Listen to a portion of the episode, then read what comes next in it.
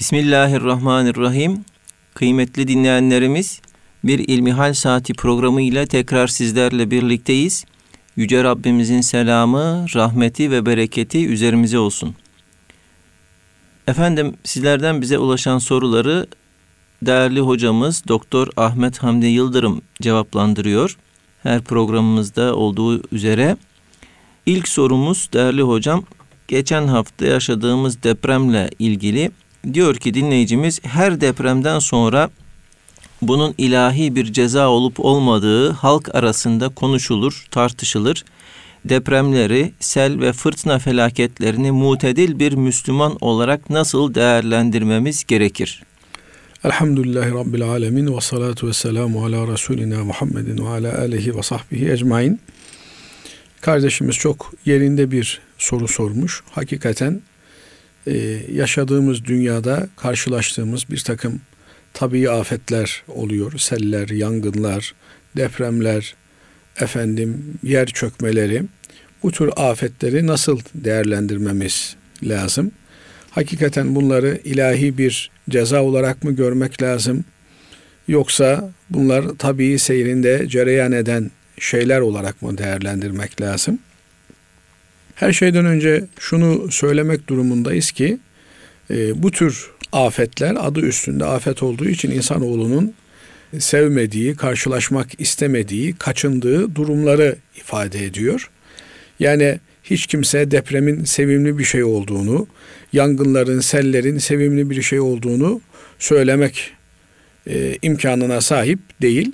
Bunların bir e, istenmeyen şey olduğu, o kategoriye girdiği herkes tarafından kabul ediliyor. Bu yönüyle bakıldığında hakikaten ceza gibi e, istenilmeyen, arzu edilmeyen bir tarafı karşımıza çıkıyor. Fakat cezalarla ilgili e, bir suç işlediğimiz için başımıza geldiğinden dolayı suç işlemeyenlerin ceza ile muhatap olmaları söz konusu olmuyor. Ve genelde de suç işleyen kimsenin kendisine yönelik olarak ceza geldiği için suçlunun düşünmesi gereken bir durum oluyor ceza.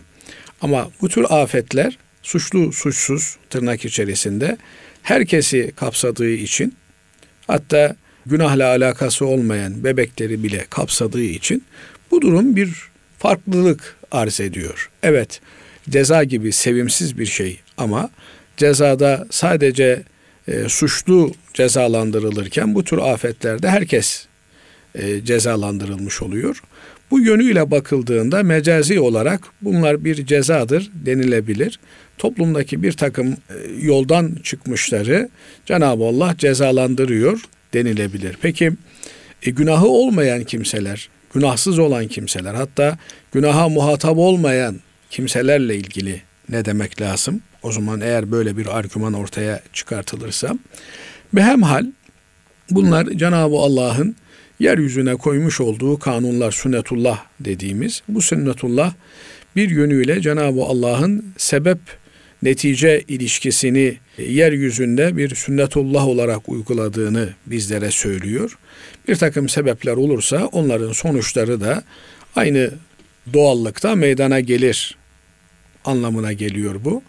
Nihayetinde yeryüzü hareketlerin e, neticesinde meydana gelen bu tür depremler tabi canımızı çok ciddi acıttığı için bizler e, bunları tepkiyle karşılıyoruz haliyle.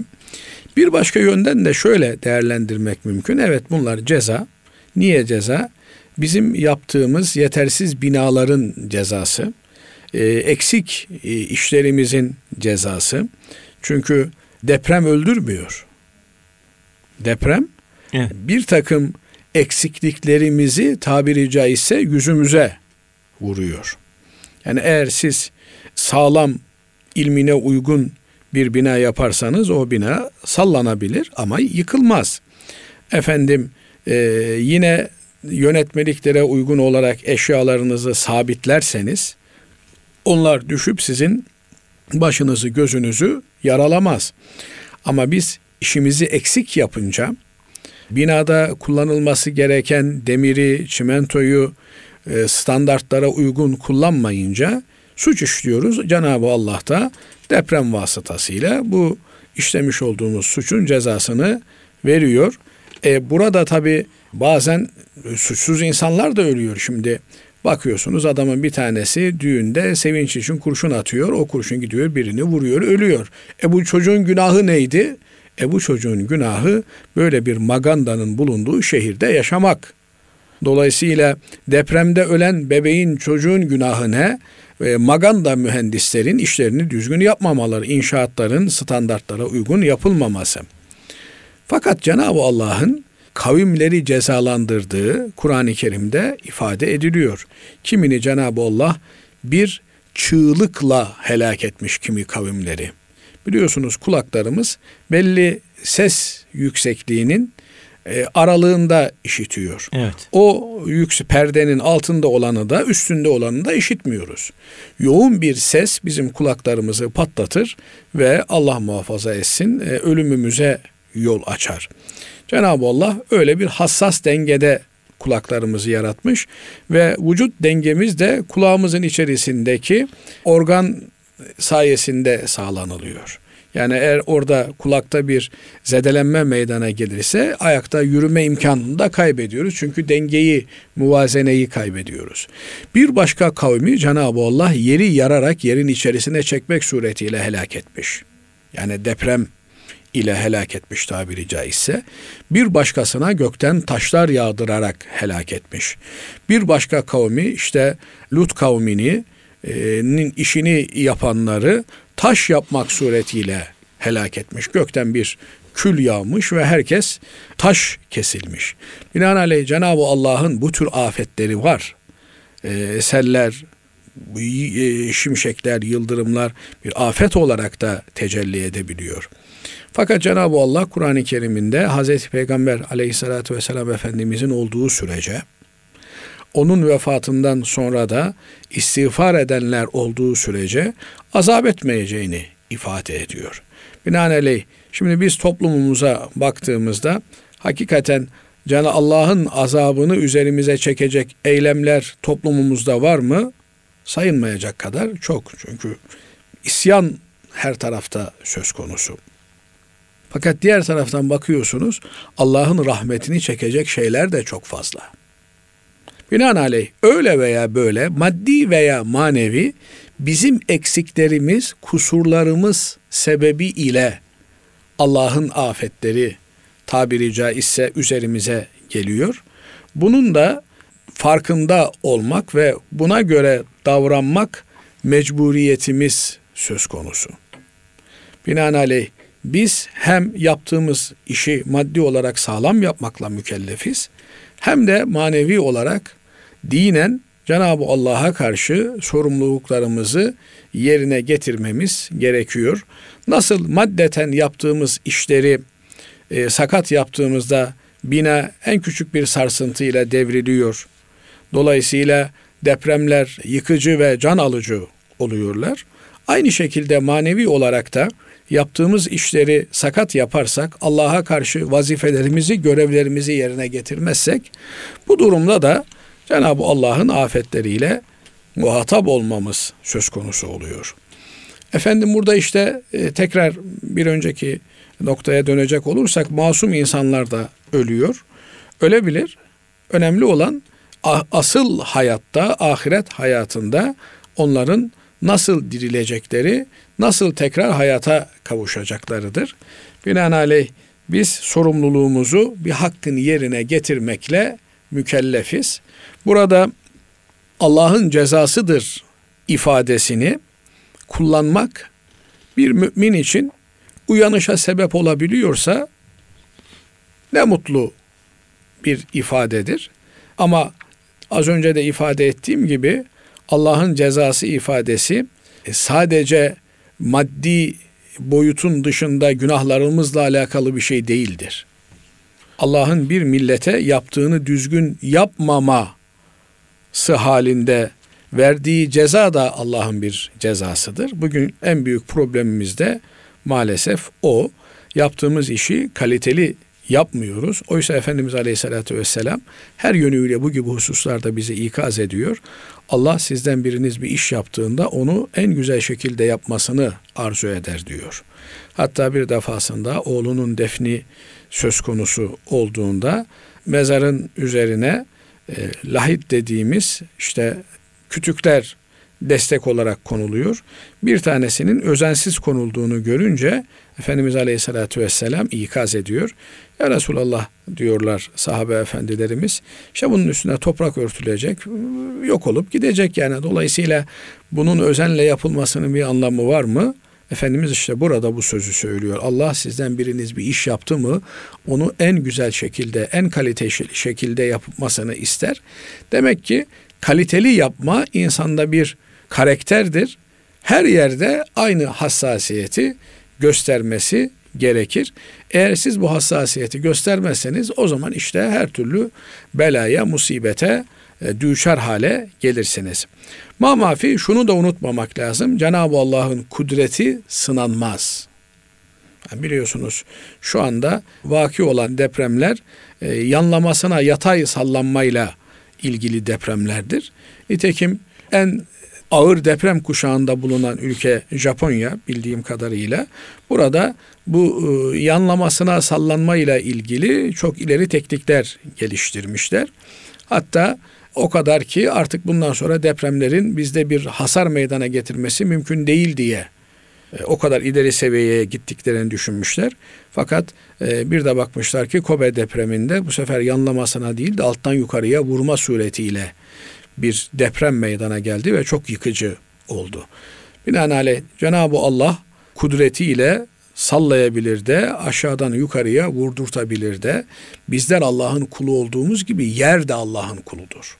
Gök de Allah'ın kuludur. Güneş de Allah'ın kuludur. Allah'ın yarattığı bir mahluktur. Biz isyan ediyoruz insanoğlu olarak ama Cenab-ı Allah'ın insanoğlu dışındaki cinler dışındaki yarattığı mahlukat Cenab-ı Allah'a isyan etmezler. Ve in min şeyin illa yusebbihu bihamdihi buyuruyor Cenab-ı Allah. Her şey vazifesini yerine getirir. Her şey Allah'ı tesbih eder. Ne demek Allah'ı tesbih eder? Vazifesini yerine getirir. Allah'ın karşısında acizliğini, yaratılmış bir nesne olduğunu ikrar eder, kabul eder. Bakın güneş her sabah doğuyor, akşam batıyor. Güneş battıktan sonra ay çıkıyor efendim gezegende, kainattaki her şey bir e, düzen içerisinde akıp gidiyor. Yer de öyledir, mağma da öyledir. Cenab-ı Allah Nuh tufanında gökyüzüne açıl, yeryüzüne de su kaynaklarını boşalt diye emrettik diyor. İkinci bir emir de gök kapılarını kapatıyor, yer musluklarını kapatıyor ve e, artık tufan duruyor. Binaenaleyh bu gibi e, ayetlerde çok net bir şekilde kainattaki her şeyin Allah'ın emrinde olduğunu bize gösteriyor. Evet Cenab-ı Allah bir kavmi helak etmek isterse onu depremle de zelzeleyle de helak eder. Cenab-ı Allah bir kavmi uyarmak isterse bakın bir saniyede 30 saniye kadar sürdü herhalde. Ben yola çıkmak üzereydim hissedemedim e, depremi. E, yani hissemedim, hissedemedim derken yani Allah'tan hissetmedik. Çünkü hakikaten e, çok korkunç bir evet. hadise. Ben 99'daki depremi hatırlıyorum. İnsan ne kadar aciz, ne kadar çaresiz yürüyemiyorsunuz. Dünya dönüyor. Dolayısıyla 30 saniye süren bir depremde herkes imana geldi. Cenab-ı Allah Kur'an-ı Kerim'de buyuruyor ki Rabbin dileseydi herkesi mümin yapardı diyor. Le amene men fil ardı cemia. Yeryüzündeki herkes iman ederdi. Dört dörtlük Müslüman olurdu. Yani dolayısıyla Cenab-ı Allah dilerse işte 5.8 değil 6.8'de yapar, 8.8'de yapar. Bizim vazifemiz Allah'a kul olmak ve Allah'a kul olmayı herkese güzel bir şekilde anlatmak. Cenab-ı Allah dilediğini yapar. Bizim vazifemizi yapmak durumunda olduğumuzu da bilmemiz lazım. Evet. Allah razı olsun değerli hocam bu ayrıntılı cevap için. E, şimdi ikinci bir soruya geçmek istiyorum. Diyor ki dinleyicimiz kirada olan evlerin zekatı nasıl verilir? Ve ilave olarak da kardeşe zekat verilir mi diyor. Evet öncelikle şunu ifade edelim. Ee, Cenab-ı Allah bize verdiği her şeyin hesabını soracak. Binaenaleyh helalin de hesabı var, haramın da hesabı var. Ama e, haramın tabi e, hesabı peşinden de çok çetin bir azabı var. Helalin ise hesabı bile başlı başına bir problem olabilir. Bunu şunun için söylüyorum. Bazen bazı şeyler için zekat yoktur dediğimizde bazı kardeşlerimiz anlamakta zorlanıyor. Ne demek yani? İşte filanın elinde 100 bin lira parası var, onun zekatı var deniyor da adamın altında işte 2 milyonluk lüks bir aracı var, onun zekatı olmuyor. Bu nasıl oluyor deniyor. Şunu unutmamak gerekiyor ki bir şeyin zekatının olması e, o şeyin hesabını kolaylaştırmaktadır. Ama bir şeyin zekatının olmaması o şeyin hesabını muallakta bırakmaktadır. Binaenaleyh bir şeyin zekatının olması bizim için avantajlı bir durumdur. Hem dünyevi hem de uhrevi kazancımıza vesile olmaktadır. Bu yönüyle bakıldığında e, elinde parayı bulunduran kimsenin, elinde ticaret malını bulunduran kimsenin, efendim ticaret yapan kimsenin ve zekata tabi malları elinde bulunduran kimsenin zekat verme mükellefiyeti vardır. Fakat bir kimse e, oturduğu evin zekatını vermekle mükellef değildir. Kullandığı aracın, arabanın zekatını vermekle mükellef değildir. Bir adam kaç tane araç kullanır? Bir tane araç kullanır. On tane aracı olsa adamın. Bu on tane aracın ticarete konu edilmemesi durumunda zekatı yoktur. Peki zekatı yoktur ne demeye geliyor? Yani bu kimse bunların her yıl zekatını ödeme durumunda değildir. Fakat Cenab-ı Allah kuluna bir tane araç sana yetiyordu ikinciyi niye aldın diye sorar. Eğer bununla ilgili makul bir cevabı varsa kurtarır. Yoksa o zaman bu sualin altında ezilir. Efendim 100 bin liralık bir araç senin ihtiyacını görecekti 2 milyonluk araca niye bindin diye de sorulur. Yani etrafında fakir fukara insan varken, kimsesiz, çaresiz, yardıma muhtaç insanlar varken sen 100 binlikle yetinmeyip de 2 milyonluğu niye aldın diye de sorulur. Eğer bu daha kaliteli, daha hızlı benim işimi görüyor. Benim işte bir takım e, düşmanlarım var. Bundan sebep zırhlı bir araç kullanmam gerekiyordu vesaire vesaire vesaire. Türünden makul bir cevabı varsa ne ala. Yoksa bunların hepsi sıkıntı. İnsanoğlu yediği lokmanın, giydiği hırkanın haricindeki her şeyin hesabını verecek. Hatta yediği, tükettiği, giyip eskittiği hırkanın bile hesabını verecek. Fakat bunların hesabı kolay olduğu için hesaptan sayılmamışlar. Şimdi bir kimsenin ikinci, üçüncü, dördüncü evi eğer buradan bir kira geliri getiriyor ve onunla yaşıyorsa burada bir e, sıkıntı yok. Bu kimse her sene zekat verdiği zaman elinde ne kalmışsa onların zekatını verecek. Söz gelimi ben bir evde oturuyorum. Üç tane de kiraya verdiğim ev var. Bunlardan biner lira kira alıyorum. Ayda üç bin lira kira ediyor. Yılda e, 3 çarpı 12 efendim 36 bin lira kira gelirim var. Her sene oturup bir günde o gün işte zenginliğe ulaştığım gün sabah namazından sonra zekatımın hesabını yapıyorum. Efendim 50 bin lira param var, 20 bin lira alacağım var, e, şu kadar altınım var, şu kadar bilmem neyim var hepsini alt alta yazdım. E, kira gelirlerinden de 36 binden de 30 binini yemişim 6 bini kasamda kalmış. O da bu e, matraha dahil ediliyor ve yüzde iki buçuğunu veya kırkta birini zekat olarak ayırıyorum. Ayırdıktan sonra da tercihen en kısa süre içerisinde bunun zekatını vermem gerekiyor. Buradan ortaya çıkıyor ki zekatı bu tür kiralık olarak verdiğimiz yerlerde o gayrimenkulün ederi üzerinden değil, elimize kalan kira bedelinden ödemiş oluyoruz. Niye? Çünkü ekonomik olarak baktığınızda bugün mesela kira ücretleri nasıl hesaplanıyor diye sorduğumuzda bize e, işin uzmanları diyorlar ki bir malın fiyatı 20 yıllık kirasına tekabül eder. Binaenaleyh 100 liraya almışsanız bir yeri bunu 20 çarpı 12 bölü yaparsınız kira bedeli ortaya çıkar. Zaten 20 veya 30 her neyse bu dönem içerisinde bir gayrimenkul ekonomik ömrünü de tamamlamış oluyor.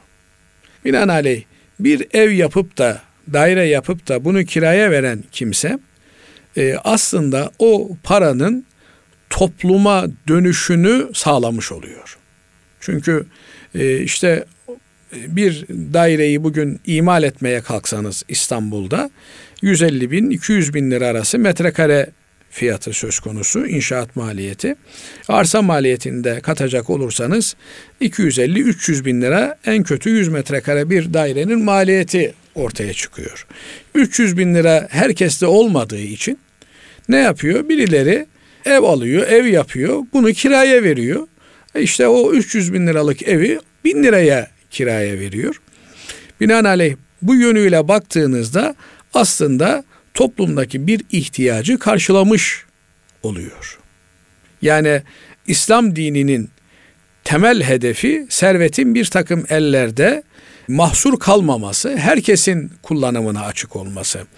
Onun için parayı elinde bulunduran kimse elinde bulundurmasının ve piyasadan parayı çekmesinin bedeli olarak tabiri caizse zekatını veriyor. Burada ise e, evini kiraya veren kimse onun toplumsal faydasını topluma döndürmüş olduğundan dolayı para vazifesini icra etmiş oluyor. Bu yönüyle de elinde kalan harcamadığı paranın zekatını vermek durumunda. Burada e, temel bir noktaya işaret etmem lazım. Hicri olarak her sene biz zekatımızı veriyoruz. Onun için kolay olan hatırlanması kolay maalesef memleketimizde hicri takvim kullanılmadığı için yaygın olarak çabuk unutulabiliyor. Bunun için Ramazan gibi işte e, Berat Kandili 15 Şaban gibi bir Muharrem gibi 10 Muharrem gibi böyle hatırlanması kolay olan bir noktaya bağlanırsa e, hesap kolay olur. Söz gelimi işte e, yeni Muharrem ayına e, bitirdik. Şimdi Safer ayına giriyoruz. O Muharrem benim hesap yapma günüm olsun. Yani her sene zekatımı verdiğim gün olsun. 9 Muharrem'de servetime dahil olan yeni bir paranın da zekatını ödüyorum. Evet.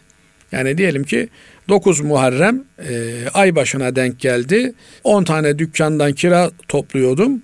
O gün kiralar hesabıma yattı. 10 Muharrem'de kasamda ne varsa hepsinin efendim bu biri bir ay önce girmiş kasama biri üç gün önce girmiş böyle bir ayrım yapmadan kasamdaki her şeyin zekatını ödüyorum.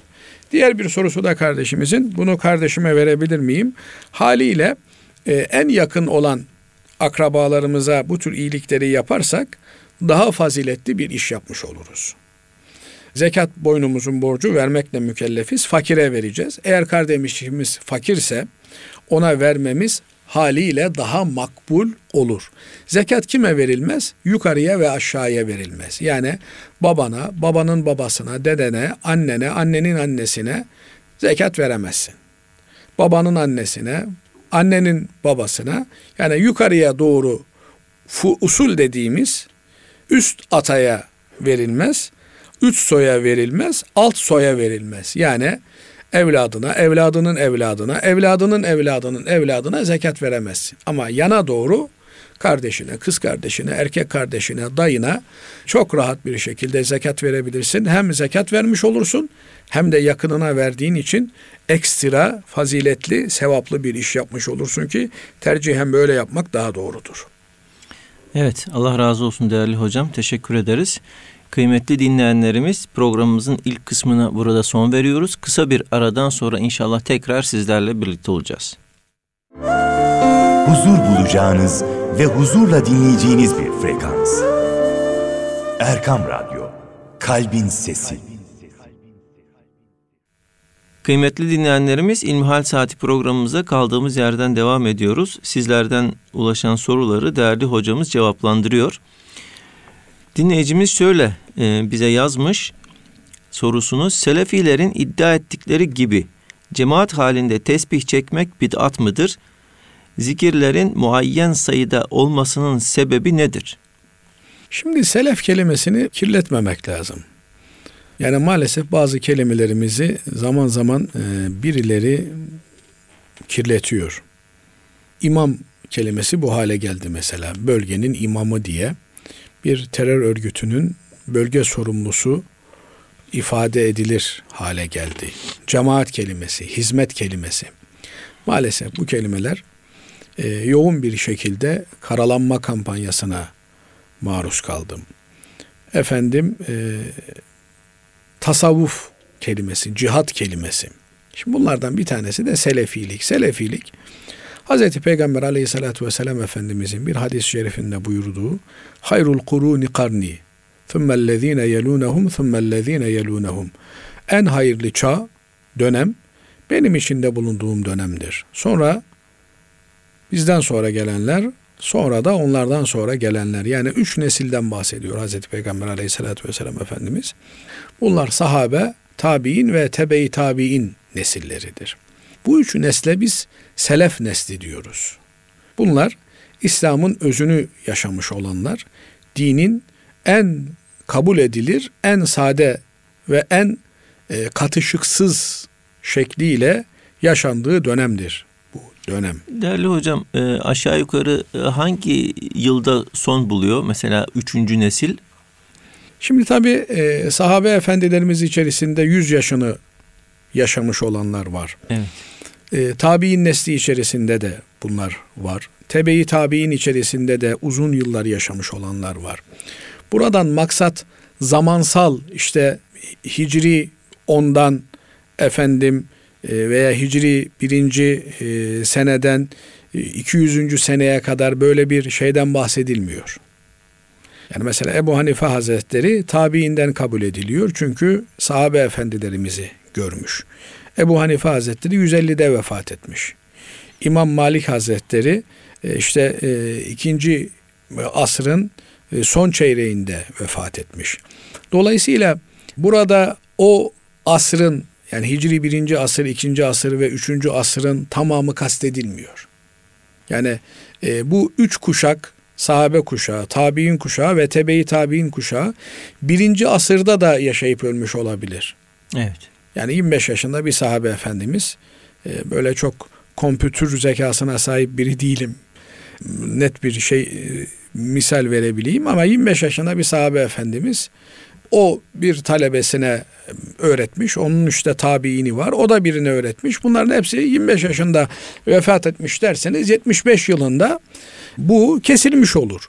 Ama işlerinden hakikaten çok uzun süre yaşayanlar olmuş. Dolayısıyla mesela dört mezhep imamımızın dördü de selef neslidir. Evet. E işte e, yine hadis derleyen alimlerimizin pek çoğu ilk hadis kaynaklarını bize e, derleyip bırakan alimlerimizin pek çoğu selef neslidir. Ondan sonra Efendimiz Aleyhisselatü Vesselam her geçen gün bir öncesine göre daha kötü olacak buyuruyor. Dolayısıyla e, selef dediğimiz yani hayırlı olduklarına dair Hazreti Peygamber Efendimiz Aleyhisselatü Vesselam'ın şehadet ettiği bir üç kuşak söz konusu. Şimdi bazıları biz o üç kuşağa kendimizi nispet ediyoruz onlara ait görüyoruz diye kendilerine selefi diyorlar. Ama böyle demekle selefi olunmuyor. Yani selef nesli olunmuyor. O iddiada bulunup da kendilerinden başka kimseyi selef görmeyen bir nesil söz konusu ki bir takım insanlar söz konusu ki bunlar maalesef tekfir ekolüne dayanmış kendilerinden başka kimseyi Müslüman görmeyen acınası insanlar Allah hepimize hidayet etsin, bizlere de onlara da hidayet etsin. Yoksa selef ye ait olmaya çalışmak hepimizin vazifesi. Hepimiz onlara benzemek durumundayız. Dini onlardan öğrenmek durumundayız. Dolayısıyla e, dini onlardan öğrendiğimizde onların toplu zikir yaptıklarını görüyoruz. Hatta Efendimiz Aleyhisselatü Vesselam'ın e, bir hadisi şerifinde diyor ki e, Hazreti Peygamber Aleyhisselatü Vesselam Efendimiz çok da e, dikkat çekici bir hadisi şeriftir. Hakikaten kendimizi sorgulamamız gereken sorgulatıcı bir hadisi şeriftir. Buyuruyor ki Peygamberimiz Cenab-ı Allah'ın bir takım melekleri vardır diyor. Onlar yeryüzünü dolaşırlar. Allah'ın evlerinden bir evde Allah'ı zikreden bir topluluk gördüklerinde toplu olarak Allah'ı zikrediyorlar bunlar veya Allah'ın dinini öğreniyorlar. Yani ilim okumakta, medresede yapılan da bir zikirdir. Yani zikri illa Allah, Allah, Allah diye lafzayı celali tekrar etmek veya La ilahe illallah, La ilahe illallah diye kelime-i tevhidi tekrar etmek olarak görmemek lazım. Zikir hatırlamak demektir. Allah'ı hatırlayan, Allah'ı hatırlatan, efendim Allah'ın dinini tahsil demek olan her şey bir zikirdir haddi zatında. Böyle bir topluluk gördüklerinde hemen Cenab-ı Allah'a haber veriyorlar. Cenab-ı Allah biliyor ama böyle meleklerine vazife vermiş. Gelip diyorlar ki ya Rabbi diyorlar seni zikreden bir grup kulunu gördük diyorlar. Efendim Cenab-ı Allah buyuruyor ki ne istiyor bu kullarım? Cennetini istiyorlar. Neden kaçıyorlar? Cehenneminden kaçıyorlar. Cenab-ı Allah cennetimi verdim diyor. Cehennemimden onları azat ettim. İşte senin bağışlamanı istiyorlar. Onları bağışladım diyor. Meleklerden biri diyor ki bu arada Ya Rabbi diyor işlerinden biri öyle zikir filan niyetinde değildi diyor. O başka bir maksatla gelmişti.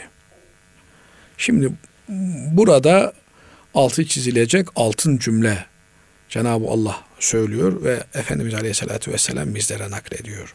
Buyurur ki Cenab-ı Allah onlar öyle insanlardır ki onlarla oturan yoldan çıkmış olamaz diyor. Bu ne demek? Onlar öyle dönüştürücü insanlardır ki bir zikir meclisinde, bir ilim meclisinde, bir sohbet meclisinde oturan ana omurgayı oluşturan insanlar öyle insanlardır ki onlar dönüştürücüdürler. Onların yanına yoldan çıkmış biri girer ama yoldan çıkmış olarak kalmaz. Hani Mevlana Hazretleri diyor ya gel diyor ne olursan ol yine gel diyor. Niye? E bizim meclisimizde bir kere oturdun mu öyle geldiğin gibi gidemezsin diyor. Edep alırsın gidersin, ilim alırsın gidersin, hikmet alırsın gidersin, iman alırsın gidersin. Şimdi buradan dönüp kendimize baktığımızda hakikaten bizler oturup bir sohbet halkası, bir zikir halkası tesis ettiğimizde böyle bu halkaların dönüştürücü bir kimliği var mı? Yanımıza gelen işte sıradan bir insan o halkadan etkilenip mi gidiyor? Şimdi bu yönüyle ilgilenmek lazım. Yani bazen mesela haddini aşan laflar da duyuyoruz. İşte bir milyon kere de la ilahe illallah desen kıymeti yok onun manasını yaşamak lazım filan. Olmaz olur mu? Yani ne demiş bizim insanımız birine 40 kere deli desen deli olur demiş. Evet.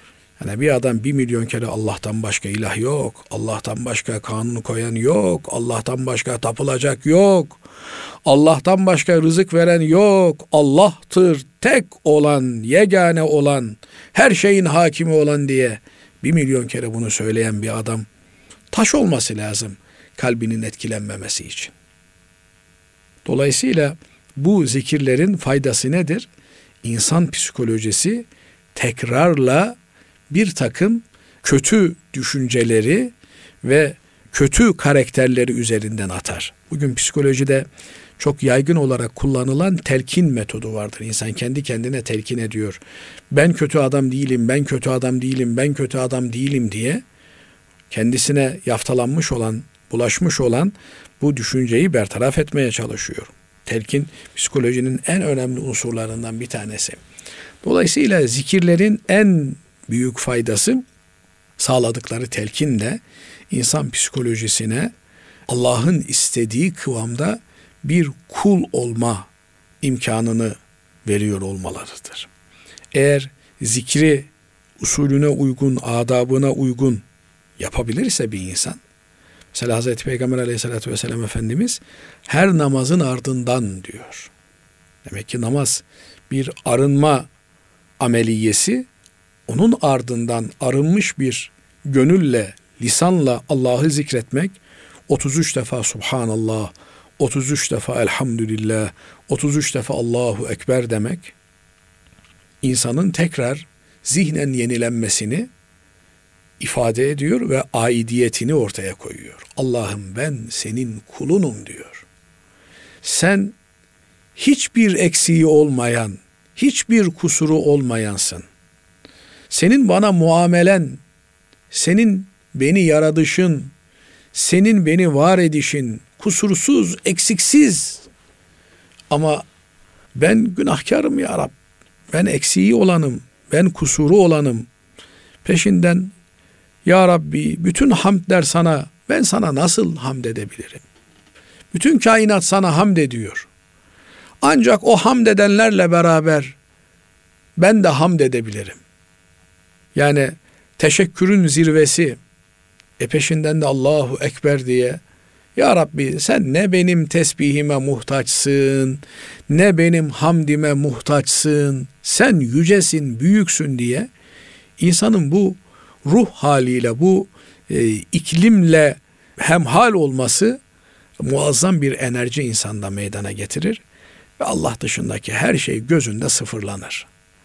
Eğer biz tesbihi bu şekilde yapabilirsek o zaman zikir, tesbih bize e, ümit edilen, beklenen faydayı verir. Bir sayı mecburiyeti var mı? E, belli bir e, şeye kadar sayı önemli tabi. Niye önemli? O farkındalığı meydana getiriyor. Şimdi 33 defa demese Hazreti Peygamber Efendimiz kaçta keseceksin? 3 binde mi? 30 binde mi? 30 milyonda mı? Halbuki bir tesbihten öbür tesbihe, bir tesbihten öbür tesbihe geçmen lazım. Bu sayılarında tabi bilip bilmediğimiz, tahmin edip edemeyeceğimiz nice hikmetleri var. Dolayısıyla bu taraflarına takılmayıp festakim kema umirt. Nasıl emrolundunsa, nasıl emredildiyse öyle istikamet üzere işimizi yapmaya gayret edeceğiz. Eğer sayılara takılmaya başlarsak o zaman Niye sabah namazını iki rekat kılıyoruz? Niye öğle namazının dört rekat kılıyoruz? Niye akşamı üç rekat kılıyoruz? Yani bu sayıların sonu gelmez. Alemlerin Rabbi olan Rabbim böyle emrettiği için böyle yapıyoruz diyeceğiz. Başüstü. Ondan sonra kölenin haddine mi, kulun haddine mi Rabbine niye bunu benden bu kadar istedin diye sormak. Orada da kulluğun itirafı cihetiyle haddini bilmek var. Bu yönünü böyle bilip biz işimize bakacağız. Rabbimizi her daim zikir halinde olmaya gayret edeceğiz. Evet. Değerli hocam bir sonraki sorumuz şu şekilde. Geçmişte zina yapmış fakat tövbe etmiş biriyle evlenebilir miyim? Tabi yani Allah muhafaza eylesin. Bizleri de bütün ümmeti Muhammed'i de zina çok ağır bir günah sadece bir kişinin efendim günahına girmek değil, bütün toplumun günahına girmek. Onun için sonuçları itibarıyla da çok vahim bir durum. Allah muhafaza eylesin. Hı. Cenab-ı Allah Kur'an-ı Kerim'de bazı şeyleri bize yasak ediyor.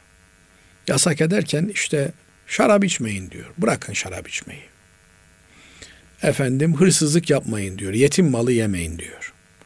Ama iş bu feci, bu ağır suça gelince la takrabu zina buyuruyor. Yaklaşmayın diyor.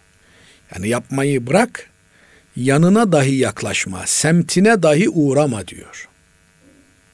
Onun için Efendimiz Aleyhisselatü Vesselam yani zinanın e, organlara dağılmış şeklinden bahsediyor. Elin zinası vardır, gözün zinası vardır, kulağın zinası vardır diyor. Ağzın zinası vardır, kalbin zinası vardır. Bir de işte bildiğimiz bütün organların bir arada toplanarak işlediği o ağır zina vardır. Dolayısıyla bir insan gözünü de zinadan korumalı, kulağını da korumalı. Şimdi çıkıyorsunuz sokaklara. Nasıl gözünüzü koruyacaksınız? Nasıl kulağınızı koruyacaksınız? Bu göz gördüğünü, bu kulak işittiğini kalp hemen yoğurmaya başlıyor. Nasıl kalbinizi koruyacaksınız? Onun için her daim zikre ihtiyacımız var. Cenab-ı Allah bütün günahları nefret etmemizi nasip eylesin. Günaha karşı nefretimizi her daim var eylesin. Ama yani bir günah işledi diye de bir insan Müslüman olmaktan çıkmıyor. Burada çok önemli bir nokta var. Günaha sonsuz nefretimiz amenna. Ama günahkara karşı merhametli olmak durumundayız.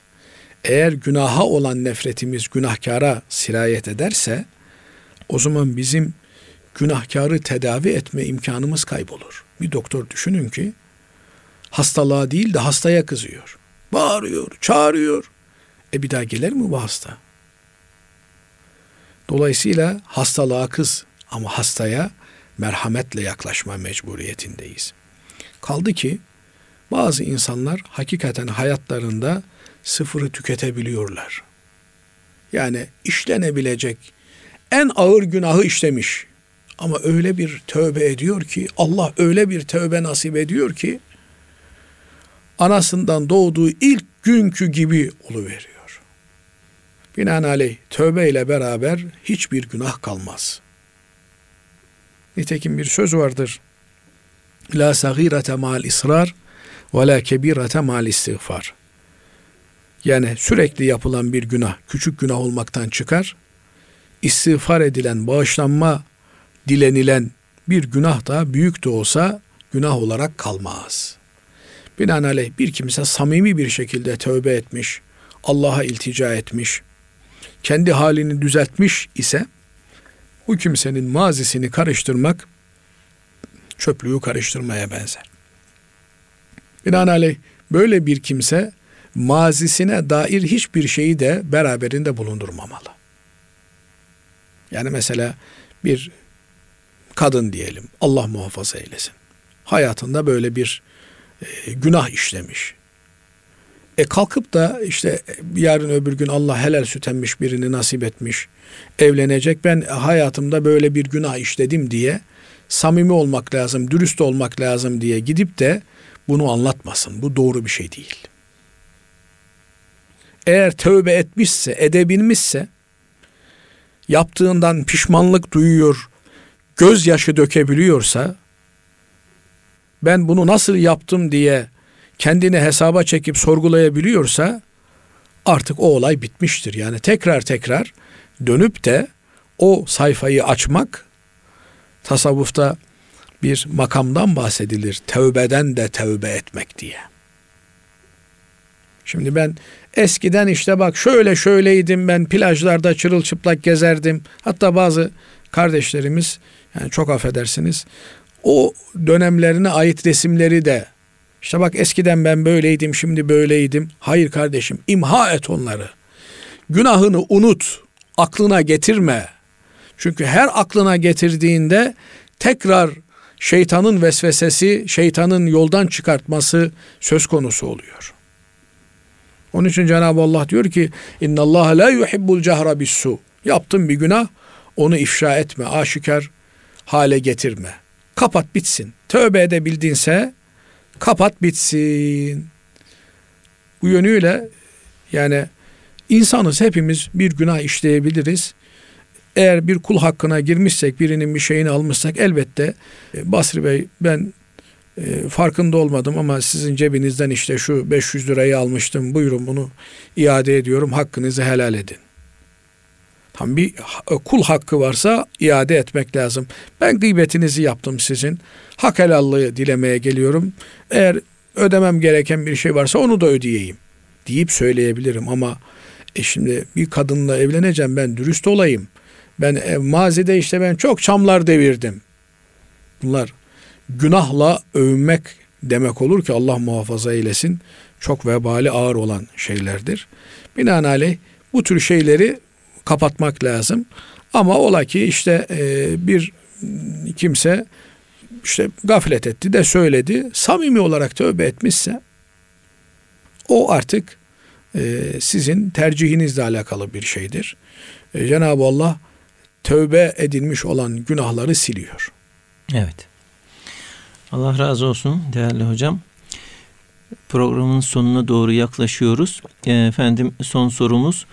Çiğ et, çiğ pastırma, çiğ sucuk ve başına vurularak öldürülen balıkları yemek caiz midir? diye sormuş dinleyicimiz. Şimdi çiğ et, e, çiğ balık bunlar eğer e, sağlık açısından zararlı değillerse yenilebilir. Ama bildiğim kadarıyla e, bu çiğ et yemenin yani hayvan eti yemenin bir takım sıkıntıları olabiliyor. Dolayısıyla e, sağlık açısından problemli diye biliyorum. Eğer sağlık açısından problemli ise yememek lazım. E, fakat deniz hayvanlarının denizden çıkınca yenilmeleri helal. Denizden çıkmış olan bir hayvan 3-4 dakika beklerseniz zaten nefessiz kaldığı için ölüyor. Deniz sudan çıktığı için. Ve hızlandırmak için başına vursanız ölse bir fark eden bir durum söz konusu değil. Yani E, büyük kara, balıklar kara hayvanları oluyor hocam. gibi değil. Efendim? Büyük balıklar hani Evet. onlara zarar vermesin efendim veyahut da tekrar suya kaçmasın diye hani böyle vuruluyor diye bazen görüyoruz. Yani sudan çıktıktan sonra e, bu hayvan yenilebilir. Dolayısıyla bir dakika içerisinde ölmüş, beş dakika içerisinde olmuş, başına vurmuşsun. Bunun bir farklılık arz etmesi söz konusu değil. Evet. Ama hayvana işkence olursa yani bu noktadan mütalaa edildiğinde eğer bir gerek söz konusu değilse böyle bir eziyet vermek de doğru değil. Evet. Teşekkür ederiz değerli hocam. Kıymetli dinleyenlerimiz bir İlmihal Saati programının daha sonuna ermiş bulunuyoruz. Hepinizi Allah'a emanet ediyoruz efendim. Hoşçakalın.